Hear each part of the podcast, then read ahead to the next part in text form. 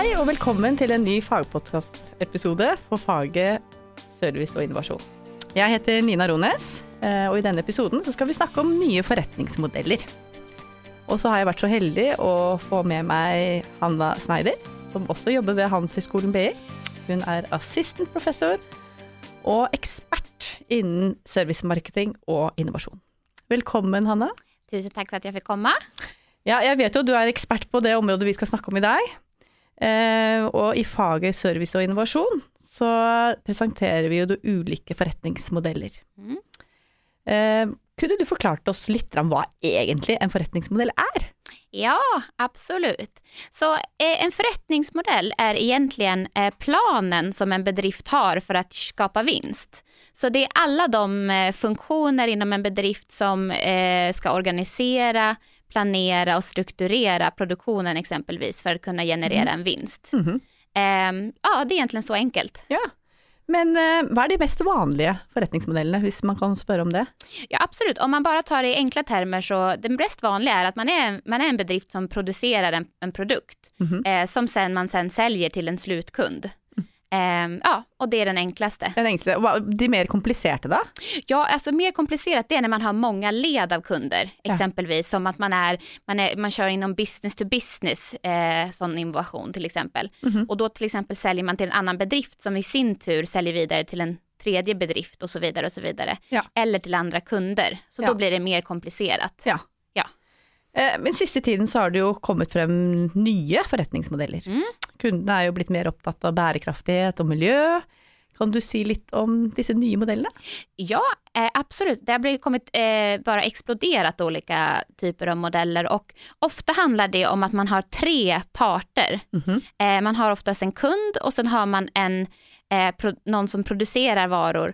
Men så har man också en, en, en, me, en medelväg, ett, ett företag i mitten som faciliterar utbytet mellan de här två olika. Ja. Och där har det kommit massor av olika bedrift, eh, förrättningsmodeller.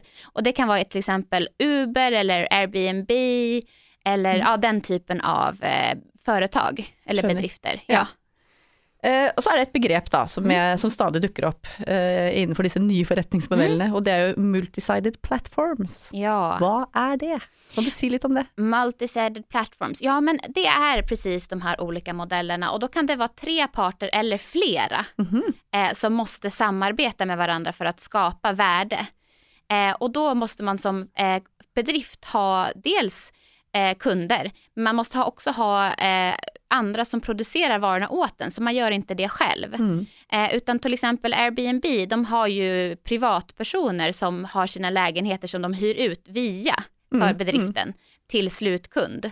Så därför så måste plattformen skapa värde både för de som hyr ut sina bostäder eller lejer sina bostäder och de kunderna som ska hyra. Mm. Och det som är eh, det nya i det här är att företaget Airbnb tar en del av risken Ja. från att hyra ut sin eh, bostad och även hantera vissa av transaktionerna mellan de här. Mm. Så egentligen så deras bedrift är ju inte att hyra ut lägenheter, utan det är ju att skapa värde för de här olika eh, kunderna Mm.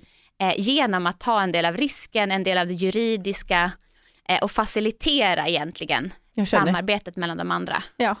Men av alle disse nye modellene som Mm. du har presentert her, er det noen utfordringer eller dark side?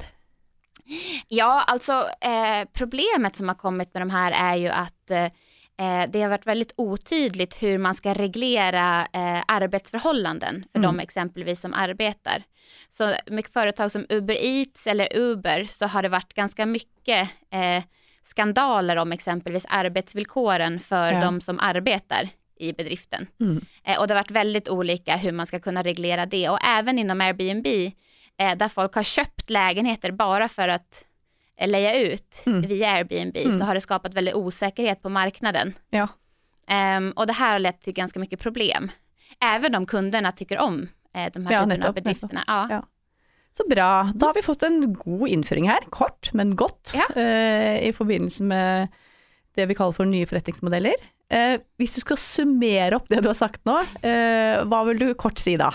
Eh, ja, då skulle jag vilja säga att det viktigaste är att man, vad är en förrättningsmodell? Det är ett sätt för företagen att göra vinst, att planera sin bedrift. Mhm. Eh, två, det finns många olika typer av förrättningsmodeller och de olika typerna beror på vilken sorts bedrift man har.